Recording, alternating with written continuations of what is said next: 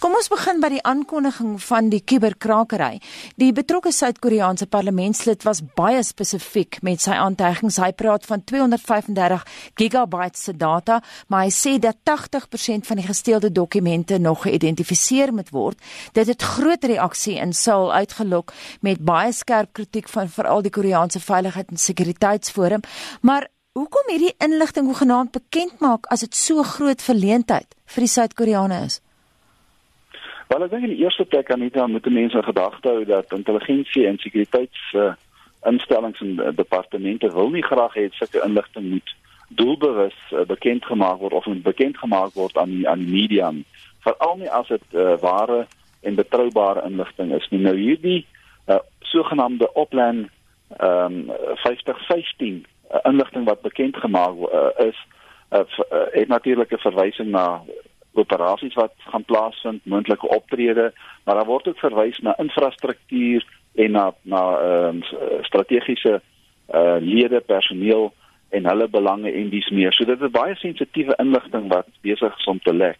Nou 'n mens moet natuurlik in gedagte hou dat die Chinese eh, beskou die internet en internet oorlog as baie belangrik en daai kuberruimte ehm um, is natuurlik vir hulle prioriteit. En 'n mens moet in gedagte hou dat Noord-Korea steun baie sterk op uh China se uh, kundigheid en hulle opleiding. So daar moet 'n verband wees of daar sal waarskynlik 'n verband wees tussen Noord-Korea en dan die uh Chinese uh vermoë om dit te kan doen. Dit daar's ook 'n ander teorie, een van Suid-Korea se mees vooraanstaande politieke ontleeders, hy is van die Korea Institute for National Unification, Kim Tae-woo, glo dat die inligting mag dalk gelek gewees het aan die Noord-Koreane met die spesifieke doel om hulle ware strategie te verdoesel. Dis nou die Suid-Koreane se ware strategie. Wat dink jy van daai teorie? Ja, ek dink wat, wat op hierdie stadium spekuleer ons en nou, dit lyk vir my ehm um, dat as daar inligting bekend gemaak word en as as dit uh, waar is dat hierdie 'n doelbewuste strategie van Suid-Korea is, dan is dit letterlik deel van die skaakspel wat besig is om plaas te vind tussen Noord-Korea en Suid-Korea. En ehm um, mense moet kyk in die volgende 2, 3 weke as daar nog verder inligting gelek word. Wat is die omvang daarvan en wat is die die korrektheid daarvan? Maar dit is deel van die die skaakspel wat nou tussen Noord en Suid-Korea plaasvind. Enige verrassing wat die Amerikaanse weermag hoof se uitlating betref? Dit lyk so half asof Millie dit na die valke en na die duiwels se kant toe wil speel. Ja, dit is 'n baie baie moeilike situasie in die VSA wat besig is om te ontwikkel. As 'n mens gaan kyk na na Trump en James Mattis, die verdedigingssekretaris, dan lyk dit asof daar meer en meer na die uh, verdedigingssekretaris se kant toe geswaai word, maar terselfdertyd moet die diplomatieke opsie uh, oopgehou word.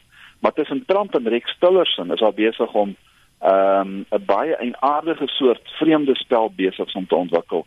Ehm um, mense ons weet nie presies wat Tillerson se verhouding met Trump op hierdie stadium is en daar word verwys na Trump wat uh, gesê hy sal 'n ICA toets teen Tillerson wen en dan het 'n uh, Trump ook gesê jy weet ehm um, so nege dae terug het hy told uh, Rick Tillerson our wonderful uh, secretary of state that he was wasting his time trying to negotiate with a little rocket man. Nou dit is 'n baie sterk aanhaling dat Trump eerder wil gaan na die na die militêre opsie en na, na konflik. Hy het ook gesê save your energy. Rex we uh, we uh, we do what we has to, uh, what has to be done.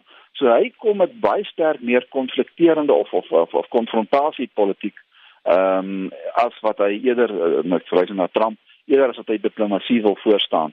Die Amerikaanse weermag ehm uh, is baie versigtig in hierdie opsig dat hulle eenvoudig net gaan vir 'n militêre opsie. Op die korttermyn mag dit sekere voordele vir die Amerikaanse ekonomie inhou, maar op die langtermyn is dit uh, uh gaan dit 'n uh, disaster wees. Wat Kim Jong Un se toespraak aan sy politbureau betref, dis algemeen kennis dat die Noord-Koreane hongersnood ervaar. Is dit die rede vir sy klem op 'n groeiende ekonomie? Die ehm um, Noord-Koreaanse politieke beleid is gesteun op die hele idee van self-reliance of self-help. So hulle uh, probeer om so ver as moontlik ekonomies onafhanklik te wees. Maar as ons gaan kyk nou uh, vanaf die 10de tot die 18de Oktober met die kommunistiese party Noord-Korea se feesvieringe, gaan 'n mens meer en meer van ehm um, hierdie tipe van uitsprake kry waar daar kom ons sê 'n meer sagter benadering gaan wees uh teenoor dan die kernopsie. Die ekonomie word beskou as kern as as as deel van hierdie benadering.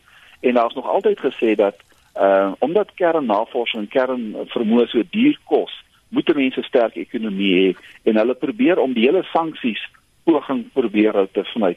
Mense moet gedagte hou dat as daar 'n groter mate van verwydering tussen uh Kim Jong Un en die sy uh, ondersteuners gaan ontstaan, gaan dit vir hom 'n geweldige groot probleem uh, uh, uh veroorsaak en hy kan dit nie bekostig nie. Toe maar sou dit nie goeie nuus wees nie. Ek bedoel die feit dat Kim Jong Un se aandag afleibaar is van oorlog maak. Ek dink so. Ek dink mense moet 'n gedagte hou en ek sê dit van die begin af uh vandat ons hierdie hierdie hele saga uh, on, uh, ontleed het. Sê ek dat Kim Jong Un wil nie regtig oorlog hê nie. Dit is nie dit gaan nie vir hom oor oorlog nie. Dit gaan eerder vir hom oor sy status, sy sy aansien wat hy in internasionale gemeenskap het as 'n kern vir 'n uh, kern uh, staat wat 'n kern vermoë het. En hy soek daai internasionale erkenning. Ek dink nie dis noodwendig negatief nie. Ek dink dis 'n positiewe ontwikkeling en ehm um, die oplossing lê vir ons nog steeds in 'n diplomatieke oplossing en onderhandeling. Baie dankie en so sê die ontleder Theo Becker van Noordwes Universiteit.